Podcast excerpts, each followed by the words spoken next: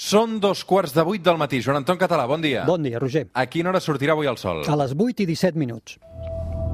3, 2, 1, seganya!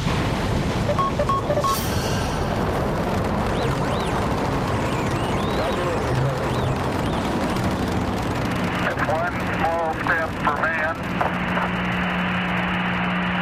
one giant leap for mankind.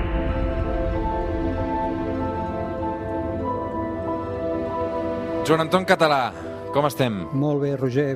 Ell és la veu científica d'aquest eh, suplement, màster en astronomia i astrofísica, químic quàntic, autor d'un munt de llibres que també podeu eh, recopilar a la seva eh, biblioteca, a les vostres llibreries, i uns llibres segurament, de Joan Anton, que portaran molts reis d'Orient, eh? Uh, espero, espero, perquè al final um, diríem que la vida d'un divulgador científic tampoc és fàcil i, i un hi posa molta il·lusió amb les seves creacions, amb els llibres, i és un bon moment per llegir, deixem que faci aquesta falca, és un bon moment per llegir, perquè passem moltes hores a casa, hem reduït les interaccions socials, que millor que un llibre, no?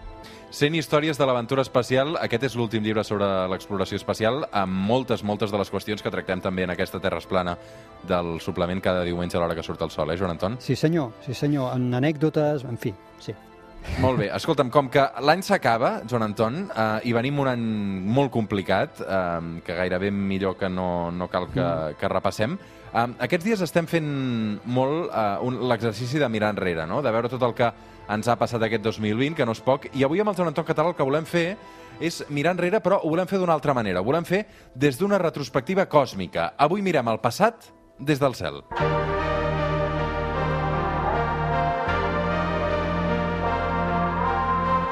per mirar el passat des del cel hem de parlar, bàsicament, de la llum, perquè d'alguna manera, Joan Anton, som capaços de viatjar al passat gràcies a la llum. Què vol dir això? Clar, perquè la llum és el missatger que ens porta eh, la informació que, que rebem, no només de l'univers. Eh, ara ho anirem explicant.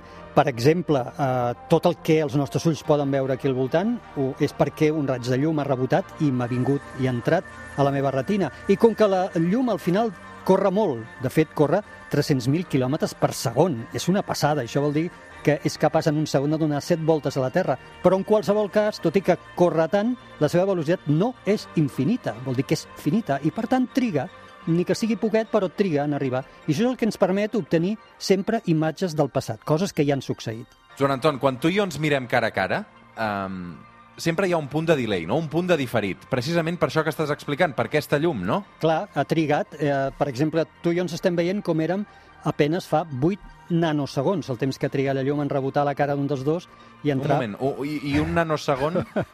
A veure. un, nano- un, un segon, quants nanosegons té? Un segon té, a veure, que no m'equivoqui, té mil milions de nanosegons. Un segon té mil milions de nanosegons. Per Per tant, tant, aquest decalatge, de, aquest delay és de 8 nanosegons, Sí. que més aviat seria poc, eh? Sí, eh, diríem que és, és ridícul i des de tot punt de vista pràctic per la nostra vida quotidiana és ja, és immediat, vull dir, no té cap mena d'efecte.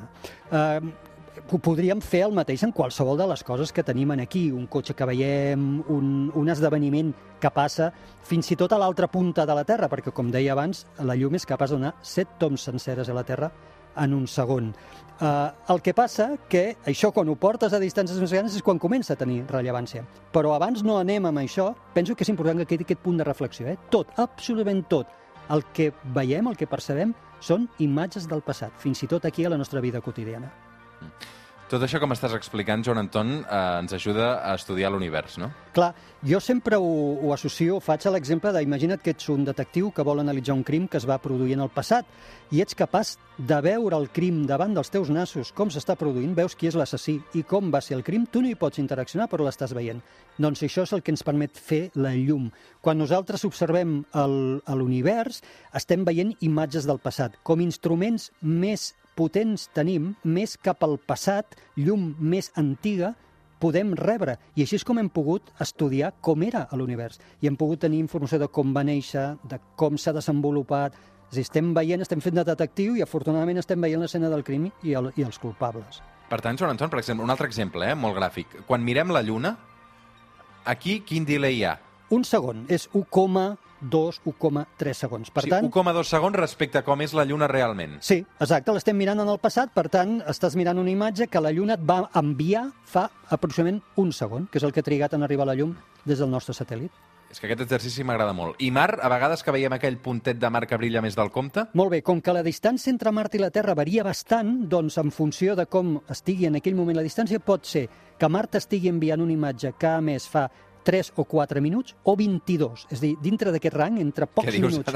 Clar, perquè, eh, diríem, els ser planetes, Terra i Mart, que estan relativament a prop, la seva distància pot canviar moltíssim. Imagina't-els els dos al mateix costat del Sol, distància mínima, i ara imagina't-els en direccions oposades, una en un- a la dreta del Sol, l'altra a la seva òrbita a l'esquerra del Sol, distància màxima. Per això, en, en el planeta Mart canvia tant de pocs minuts a, a 20 i pico minuts eh, que, pot trigar la llum, vol dir que, fixa't, quan nosaltres enviem ordres als robots marcians, hem d'enviar ordres sabent que hi haurà un decalatge i, per tant, els robots han de tenir una certa capacitat autònoma de poder prendre decisions i, per exemple, estan lliscant, estan a punt de lliscar per sobre una pedra.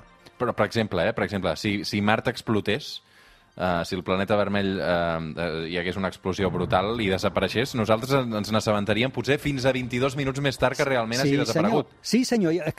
Justament això que estàs dient és la part més uh, impactant, més emocionant. Imatges del passat. Estem veient coses que potser ja no són com les estem veient, que van ser en algun moment i que potser ja no són. Mm. Com es compara la nostra visió de mar amb la que tenim, per exemple, del, del Sol o d'altres uh, o, o d'altres planetes o d'altres estrelles? Val, anem fent l'exercici. Per exemple, el Sol, una mica més de 8 minuts. Eh? La llum que ens arriba del Sol ha estat viatjant durant una mica més de 8 minuts.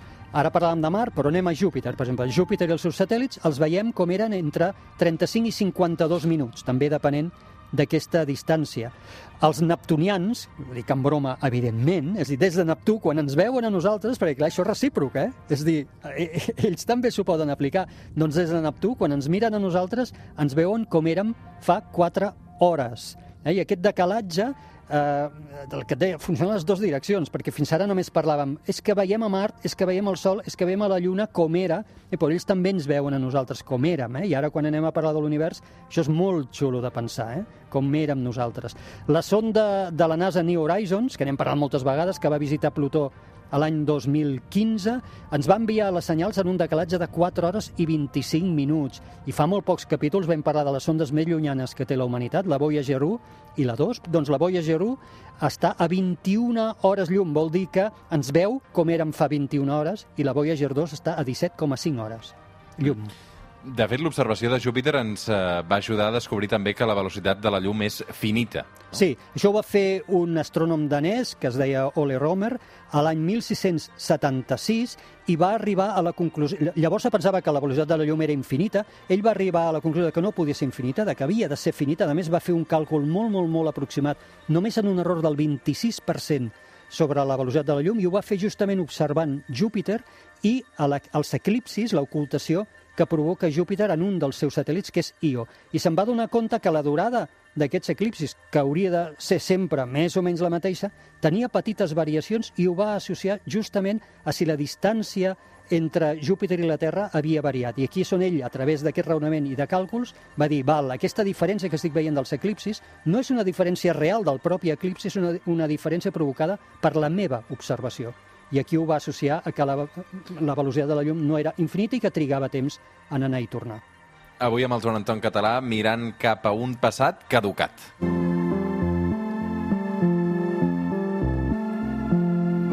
tot això que ens estàs explicant, Joan Anton, um, ja és gros, què passa quan sortim del sistema solar? Doncs, doncs que encara és molt més gros. Clar, fixa-t'hi, la- l'estrella més propera després del Sol, cura que la més propera és el Sol, eh? però l'estrella més propera després del Sol, que és Pròxima Centauri, la veiem com era fa 4,2 anys. Fixa-t'hi, hem saltat d'hores, que dèiem abans, de la ara es- donem un salt immens a anys. És l'estrella més propera. I quan tu surts qualsevol nit, ni que sigui des de Sabadell, a mirar al cel i veus aquelles llumetes que fan pampallugues, a ull nu estàs veient estrelles que van emetre la seva llum fa 20, 100, 200, 1.000, 2.000 anys. Vol dir que això estàs veient una imatge, un teatre ple de llumetes, algunes de les quals potser ja no són com tu les estàs veient.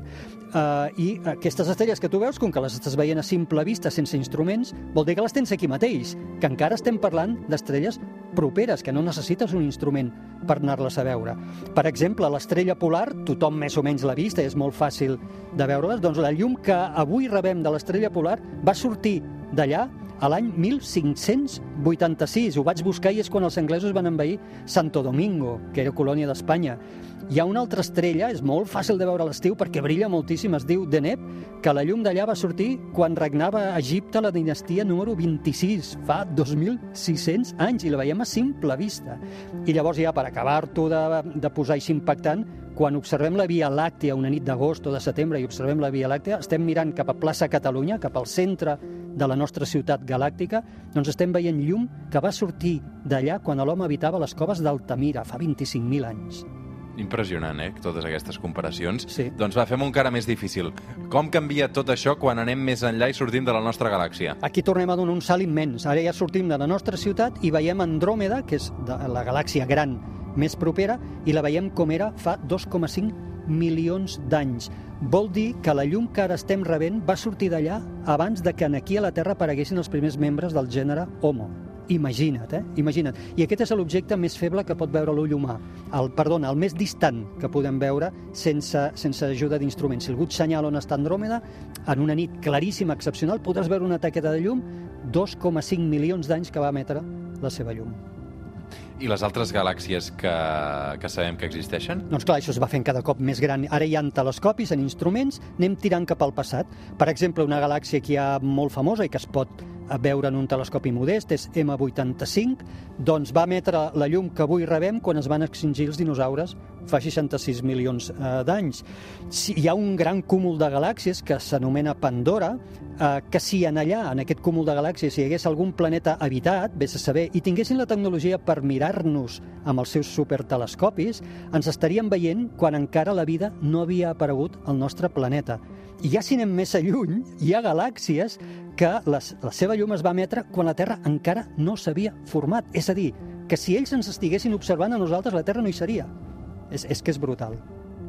Què és la imatge de camp ultraprofund i què ens mostra, Joan Anton? Val, aquesta és una famosa fotografia que va fer el, satel el telescopi espacial Hubble eh, en diverses nits entre l'any 2003 i el 2004 va acumular llum d'una mateixa, d'una petitíssima regió de l'espai per poder anar més lluny, acumular llum, el que deia Mari, i fer un viatge en el passat el més bèstia possible. I en aquesta fotografia apareixen galàxies que van existir apenes a 800 milions d'anys després del Big Bang, és a dir, fa 13.000 milions d'anys. Segur que aquestes galàxies o ja no existeixen o ja no són com eren, com, era, com eren abans en aquell temps. I ara justament el Hubble està aconseguint captar aquesta llum que ens ve després d'un viatge de 13.000 milions d'anys. Clar, per aquesta regla de 3 que m'estàs explicant, eh, Joan Anton, potser és possible tirar enrere i veure les primeres eh, galàxies de l'univers, no? Clar, això és el que pretenem i això és el que s'espera que faci el successor del Hubble, que és un telescopi espacial que s'anomena Webb, que va, va molt endarrerit, s'ha passat de pressupost i de calendari, però si tot va bé l'any 2022 hauríem de poder-lo enlairar. Aquest és més potent que el Hubble i hauria de ser capaç, això que deies ara, de veure les primeres galàxies i estrelles que es van formar l'univers. Mm. Quin és l'objecte més antic que podem observar de moment? Aquest, ara te'n parlo i diràs, ah, ja n'hem parlat diverses vegades, sobretot a la primera temporada m'hem parlat molt, que és la famosa radiació còsmica de microones. Això vindria a ser com la llum de molt poquet temps després del Big Bang. 380.000 de- anys després del Big Bang es va emetre una llum que s'ha anat refredant perquè l'univers s'ha expandit i aquesta llum, que era d'alta energia, s'ha anat refredant fins al punt de que ens arriba en format de microones, de microones molt freds, eh, que mm, ens han anat viatjant durant 13.800 milions d'anys i aquesta seria l'objecte, la llum més antiga i que la tenim en aquí. Eh? Tots nosaltres ens envolta i tu la vas veure, tu, tu ets molt jove, no sé si la vas veure, jo sí que la vaig veure amb els televisors antics, que era la, la neu de quan acabava l'emissió, o les ràdios antigues, aquelles, aquelles interferències que hi havia, aquella estàtica que hi havia entre emissores, doncs part d'aquella estàtica o d'aquella neu eren els microones de fa 13.800 milions d'anys de la creació de l'univers. Mm. Podem mirar més enrere encara, fins al mateix Big Bang? No en llum. El llum, que és el nostre viatger universal, no, perquè aquests 380.000 anys que deia després del Big Bang són com una paret que la llum no pot traspassar. I això és perquè quan va néixer l'univers, l'univers estava molt calent i molt dens, i els electrons que es van formar eh, campaven lliures, no estaven combinats amb els àtoms, amb els nuclis per formar àtoms, i la llum té una propietat que és que interacciona, s'absorbeix i rebota constantment amb els electrons, de forma que la llum de primera sospir del Big Bang, interaccionant amb els electrons, va perdre tota la capacitat que té de portar-nos informació de com era el Big Bang en el moment zero. I passats 380.000 anys del Big Bang, l'univers ja s'havia expandit suficient com perquè s'hagués refredat i els electrons poguessin deixar d'acampar lliurement, es van ajuntar amb els protons i neutrons per formar àtoms i allà la llum sí que va quedar lliure. I aquesta és la llum més antiga que rebem, la que va quedar lliure 380.000 anys després del Big Bang. Avui amb el Joan Anton Català fent un viatge al passat, mirant enrere. Quins altres mecanismes tenim per veure-hi encara més enrere de tot això que m'estàs explicant? Clar, hem dit, en llum no podem, no podem anar més eh, enrere que 380.000 anys després del Big Bang, que ja és moltíssim. Tenim altres missatgers? Doncs mira, n'hi ha uns que són els neutrins, que són unes partícules fantasmagòriques, tenen la propietat de ser tan petites i energètiques que ho travessen tot sense xocar. En aquest moment ens estan atrevessant a tu, a mi, a tot el planeta, trilions de neutrins que venen del Sol i travessen la Terra i seguiran sense xocar contra cap àtom. I això és el que els fa molt difícils també de, de, de captar amb els nostres instruments, perquè els travessen.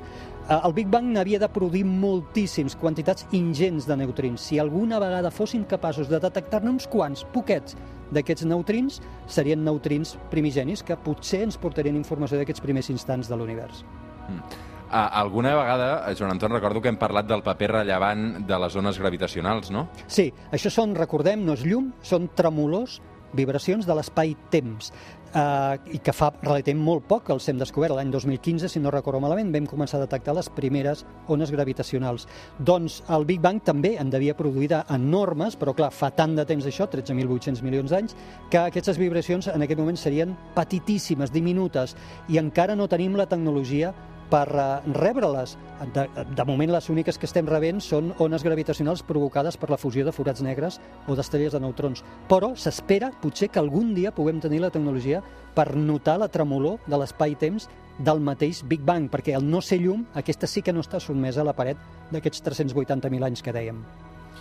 És fascinant aquest capítol, és fascinant l'univers, és fascinant eh, tots els interrogants que ens queden per resoldre, eh, Joan Anton? Sí, sobretot quan agafes aquesta perspectiva, no? Dir, és que ens veien com nosaltres érem no? quan la Terra encara no tenia vida. O si miren cap a aquesta regió de l'espai, veuran que la Terra encara no hi era. I tot això t'agafa un sentiment d'humilitat, de petitó.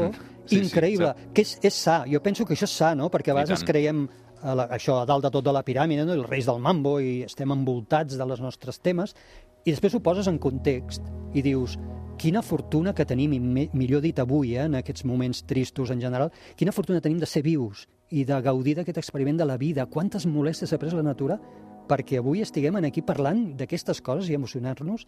És brutal. I dius, hem de viure cada segon d'aquesta vida. És que no, no podem malbaratar ni un segon. Quina lliçó del Joan Anton Català, eh, molt més enllà també de, de la ciència. Eh, és un plaer, Joan Anton, eh, tenir-te cada diumenge, t'ho dic molt sovint, Um, i ha estat també un any 2020 molt complicat, però no hem faltat cap, cap, cap dia a la cita dels diumenges que uh, continuaran, evidentment, acompanyant-nos aquest 2021, Joan Anton. Um, per tancar l'any, uh, amb una setmana també en què potser alguns podrem anar a dormir una mica més tard um, del que ens permeten també amb aquests tocs de queda, uh, què hi passarà al cel si aixequem la vista aquests dies? Doncs al cel vam tenir aquest apropament que tots esperàvem del dia 21 entre Júpiter i Saturn, que en vam poder tots gaudir. Ara ja s'estan separant visualment del cel. A poc a poc cada dia els començarem a veure, ja es veuen més separats i aquest procés de separació ja seguirà i mira, ja ens haurà passat aquest gran esdeveniment de l'apropament de Júpiter i Saturn i ens queda el gran Mart. Mart segueix eh, brillant en el cel, cada cop més feble, és veritat, es va afablint i va ja començant a caure cap a l'oest, però encara en tenim setmanes de, de poder observar i gaudir de la llum vermellosa de Mart al nostre cel.